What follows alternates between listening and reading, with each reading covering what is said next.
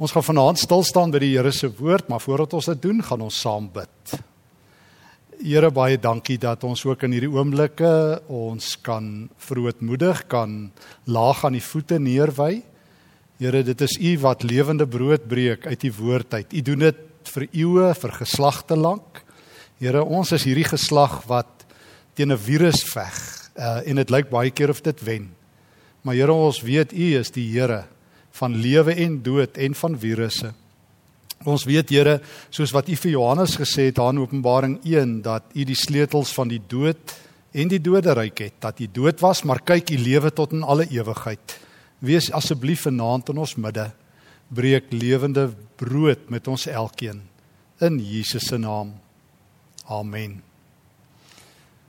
Dit is so dat hierdie 'n tyd van karaktervorming is. Corona en karaktervorming moet hand aan hand loop. Anderster gaan dit 'n swaar tyd vir ons elkeen wees. Karakter in 'n tyd van corona. Hoe klink dit? Wel, ek wil graag ietsie met jou deel wat 'n uh, 'n uh, 'n dominee vriend van my sommer so op Facebook gesê het oor hierdie tyd waarin ons lewe. Hy sê uh, in sy naam is François Silje. Hy sê ek moet sê 2020 was 'n bietjie vinnig op my. Daar was nog soveel dinge wat ek wou doen voor die nuwe jaar begin het. So die volgende 21 dae, hierdie tyd van lockdown, gaan ek weer Desember vakansie hou en ek gaan myself voorberei. Ek gaan 'n kersboom opslaan, ek gaan na Bounty M luister, vrugtekoek eet en my gereed maak vir die nuwe jaar. En dan gaan ek op 17 April vir almal 'n Happy New Year boodskap stuur. Oulik, né? Wel, dis die wêreld waar binne ons lewe. Humor, swaar kry, lyding, alles is so in dieselfde pot en alles word gemeng. Mense verloor hulle werk, mense bekommer oor die toekoms, almal praat, dink, leef, slaap die virus. Maar dit is 'n tyd van karaktervorming. En ons is nie altyd daarvoor voorberei nie. Jy sien, ons is in 'n wêreld uh, waarin jy en ek normaalweg lewe wat gaan oor talente talente wen 6 stroop 6 stroop. Nou is niks meer verkeerd nie. Maar ek meen skole is gebou op talent. Die, beste kinders kry beurse, die beste studente kry beurse by die universiteit. By die werk stel hulle die mees talentvolste ouens aan. En talent help in die eerste helfte van 'n ou se lewe, sê ek altyd. En talent help as die lewe gelykpad is. Die probleem is, die tweede helfte van 'n ou se lewe of wanneer die lewe suid gaan, dan help talente jou eintlik baie min. Dan moet karakter in plek wees. En as daar nie karakter is nie, is daar 'n groot leemte. Uh en die lewe het ons bietjie gekil. Dalk jy ook. Maar verseker vir my, die lewe het na ons toe gekom met met hierdie ding wat een van die geleerde ouens noem in Engels the performance acceptance trap. In gewone Afrikaans, jy is so goed soos jou jongste prestasie. Jy is so goed soos jou jongste verslag by die werk, jou jongste ehm um, kunswerk as jy 'n kunstenaar is, jou jongste atletiekprestasie as jy 'n atleet is, jou jongste preek as jy preek. Mense meet jou daaraan. Jy jy word jou prestasies. En daarom het meeste maatskappye ook iets wat hulle elke jaar noem prestasiemeting. Jy presteer of jy's uit meneer en mevrou. En dis 'n baie moeilike ding. Want ons het eintlik verander vanaf human beings na human doings. Ek is so goed soos wat ek doen. So as ek goed doen, goed presteer, as ek 'n goeie mens, as ek niks doen nie, soos nou in 'n tyd van corona, is ek dan niks? Is my identiteit daarmee heen? Wel nee, nie as ek besig is om karakter te vorm nie karakter groei net in krisistye. Ek wil 'n stukkie aanhaal wat Helen Keller, die baie bekende dame gesê het wat gestremd was. Sy sê oor karakter die volgende: Character cannot be developed in ease and quiet. Only through experience of trial and suffering can the soul be strengthened, ambition inspired and success achieved.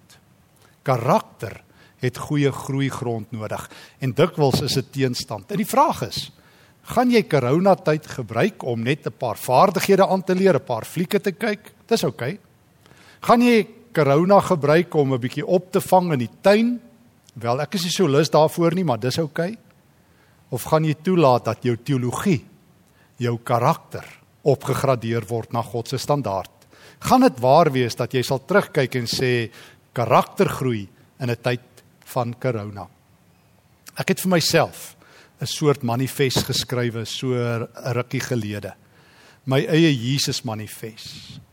Want ek weet dat as ek my lewe wil opgradeer, ek wil nie soos die meeste ouens sê, ek wil 'n beter mens word nie.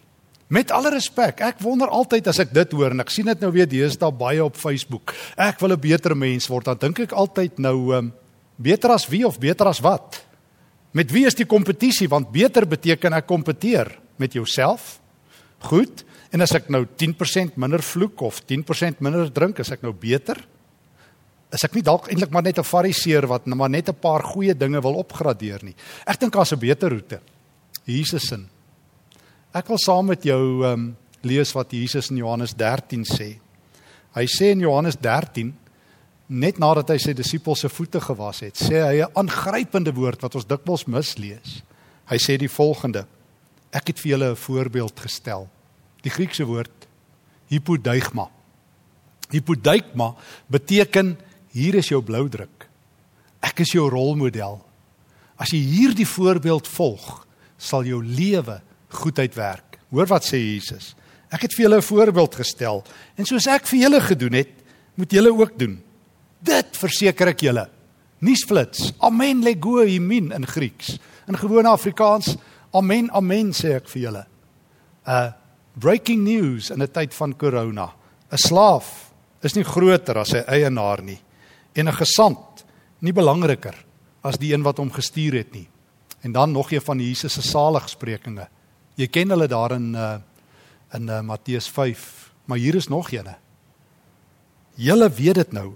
Gelukkig Makarios in Grieks is julle as julle dit ook doen. Nou goed. En en nou wil ek met jou so vyf dinge deel wat ek geleer het uh wat ek noem my Jesus manifest vir karaktergroei. Hier's die eerste ene. Kom ons kom ons lees dit saam. In die samelewing kompeteer mense oor die beste plekke en posisies. Op Jesus se pad staan mense graag die beste plekke staan hulle graag af aan ander. Weet jy hoe groei my karakter in 'n koronatyd? Ek hou op om te kompeteer. Hierdie is die tyd dat ek Jesus se voorbeeld navolg. Ek weet een ding oor Jesus. Hy het nooit ingedruk voor in die ry nie. Hy het nooit die laaste water uit mense se hande gegryp as hulle in die winkel is nie. Hy het nooit al die goed net vir homself opgekoop nie. Hy het nie gesê daar's net 3 mense wat saak maak en ek is al 3 nie. Engele het nie voor hom uitgevlieg en trompette geblaas en gesê die koning van die heelal is hier en kom ons lees sy CV nie. Jesus het in 'n voerbak geslaap. Jesus het uh, die klippe van Galilea sy kopkussings gemaak. Jesus het 'n houtkruis sy laaste rusplek gemaak. Jesus sê vir my: "Kom leer by my. Kom leer by my in hierdie tyd van corona. Ek sal jou leer van nederigheid. Ek sal jou leer om 'n bietjie minder vol van jouself te wees, want jy kan in elk geval in hierdie tyd niemand beïndruk nie." Jy kan in hierdie tyd in elk geval nie op jou eie trompet blaas nie. Niemand gaan hoor nie. Almal is te, te besig om net te probeer oorleef. Daarom in die samelewing hardloop almal vir eerste. Dit het niemand nêrens gebring nie. Lyk dit vir jou of die wenners iets gekry het? Hulle het miskien die rotte reusies gewen. Nou is die rotte koning. Wat help dit? Jesus sê kom leer by my. Kom leer by my. Ek het opgestaan Johannes 13, daai daai donderdag aand voor hy gekruisig is. Johannes 13 vers 5. Daarna het Jesus opgestaan en hy het sy boekleed uitgevat en 'n handdoek om sy lyf gesit en toe het hy afgegaan en sy disippels se voete gewas. Leer by Jesus dat jy moet opstaan en dan afgaan om mense se voete te was. Hierdie is die eerste groot karaktervormende les dat ek in hierdie wêreld nie meer wil kompeteer nie. As aanhouers wil hardloop, laat hulle met mekaar kompeteer. Ek wil Jesus se oog vang en hy leer my. Stefan en jy wat vanaand saam met my inluister en inkyk, gee graag die beste plek af vir iemand anders dan sien die Here jou raak. Dis my voorbeeld wat ek vir jou nalat ook in 'n tyd van corona. Die tweede les wat ek saam met jou wil deel. In die samelewing is sukses sinoniem met geld en besittings. Op Jesus se pad is sukses sinoniem met die dra van 'n kruis en dien van ander. Kan ek dit weer met jou deel? In die samelewing is sukses sinoniem met geld en besittings. Op Jesus se pad is dit sukses sinoniem met die dra van 'n kruis en dien van ander. Dis nie so maklik nie. Die wêreld leer my alles gaan oor geld, money, money, money. Makes the world go round. Totdat dit nie meer doen nie, totdat die wêreld se ekonomie in duie stort, totdat uh, my beleggings opgevreet is, totdat my besigheid toestaan. Leer by die ryk dwaas daar in Lukas 12 vanaf vers 13. Jy ken daai storie, die ryk gek wat sy hele lewe op sy besittings gebou het. En toe daag God op en so sê hy vir hom net twee woorde: "Jou dwaas." Die lewe gaan nie hieroor nie. Leer dit betyds. Die lewe is nou 'n tyd om op te kyk na ander. Filippense 2 vers 4 is 'n geweldige teks en ek wil dit met jou deel. Paulus skryf: "Ehm um, kyk op na mekaar. Die een moet die ander een hoër ag as homself." Kyk op. Corona is 'n goeie tyd om dit in te leer. Ons is so besig om te hardloop en by mense verby te hardloop dat mense net sulke bewegende skimme is. Nou is dit die tyd om mense te herwaardeer. Dis nou 'n tyd jy het mos 'n bietjie um, ligtyd of 'n paar WhatsApps of 'n paar teksboodskappe wat jy kan stuur. Vertel bietjie vir 'n vriend wat waardeer jy in hom en haar. Vertel bietjie vir iemand hoekom jy opsien na hulle, opkyk. Soos wat Jesus jou leer. Hy sê Dis my voorbeeld wat ek vir jou los. Ek het op my knieë voor jou gestaan, jou voete gewas. Toe ek jou wou raak sien, moes ek van jou knieë af opkyk. Kom doen dieselfde. Leer om op te kyk. Gebruik corona tyd as opkyk tyd. As mense raak sien tyd. En sê dit 'n slag vir hulle. As jy vir iemand moet ekskuus sê, stuur 'n ekskuus SMS. Ek is jammer ek was te besig. Ek is jammer ons het so by mekaar verbygehardloop. Kan ek vir jou bid? Hoe kan ek 'n las vir jou help dra al kan ons nie by mekaar wees nie? Hoe kan ek ietsie vir jou doen? Kan ek vir jou 'n paar sente oorplaas? Wat het jy nodig? Ek gaan leer. Sukses in Jesus se oë gaan nie nou meer oor geld nie. Die telbord het verander. Nee, dit was nog altyd anderster. sien dit net raak. Derdens. In die samelewing tel titels en kwalifikasies baie punte. Op Jesus se pad tel karakter die meeste. O verseker, maar ons glo dit nie. Gedoorie waar ek sien nou net pas weer uh verlede week um, 'n e-pos van een of ander geestelike wat hy uitstuur en ek is toevallig ook op hulle adreslys waar hy met al die geestelike leiers in hulle denominasie praat. Dit is 'n uh, denominasie wat ek nie eers ken nie. En hy spreek homself per dominee aan en al sy leiers per u aan. En ek dink kan hy nie net ontdominee nie. Kan ek nie net vir hom 'n pilletjie stuur of 'n pakkie stuur om net oor homself te kom nie? Moet ons nog titels gebruik? Is ons nog besig met afstand? Ek bedoel ons is familie. Kom ons leer dit. Titels help niks. Hollywood is toe, mense. Ek is ernstig, Hollywood is toe, letterlik. Hulle het al die kameramanne huis toe gestuur. Hulle is werkloos. Die celebrities is uit werk uit.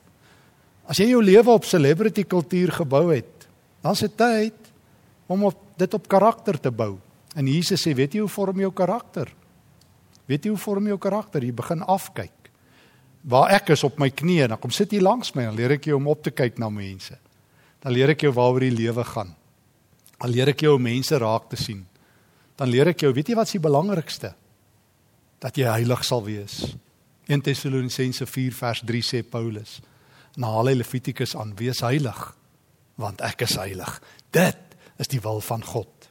4de 1 uh, in die samelewing word mense gedurig gemeet aan al hulle uitsette en prestasies. Op Jesus se pad is mense geliefdes van God wat nie meer hoef te presteer om sy guns te wen nie. Op Jesus se pad is jy 'n geliefde. Ons het aan die begin vir mekaar gesê in hierdie woeste wêreld waarin ons lewe, gaan alles oor prestasie. En skielik, wat maak dit saak?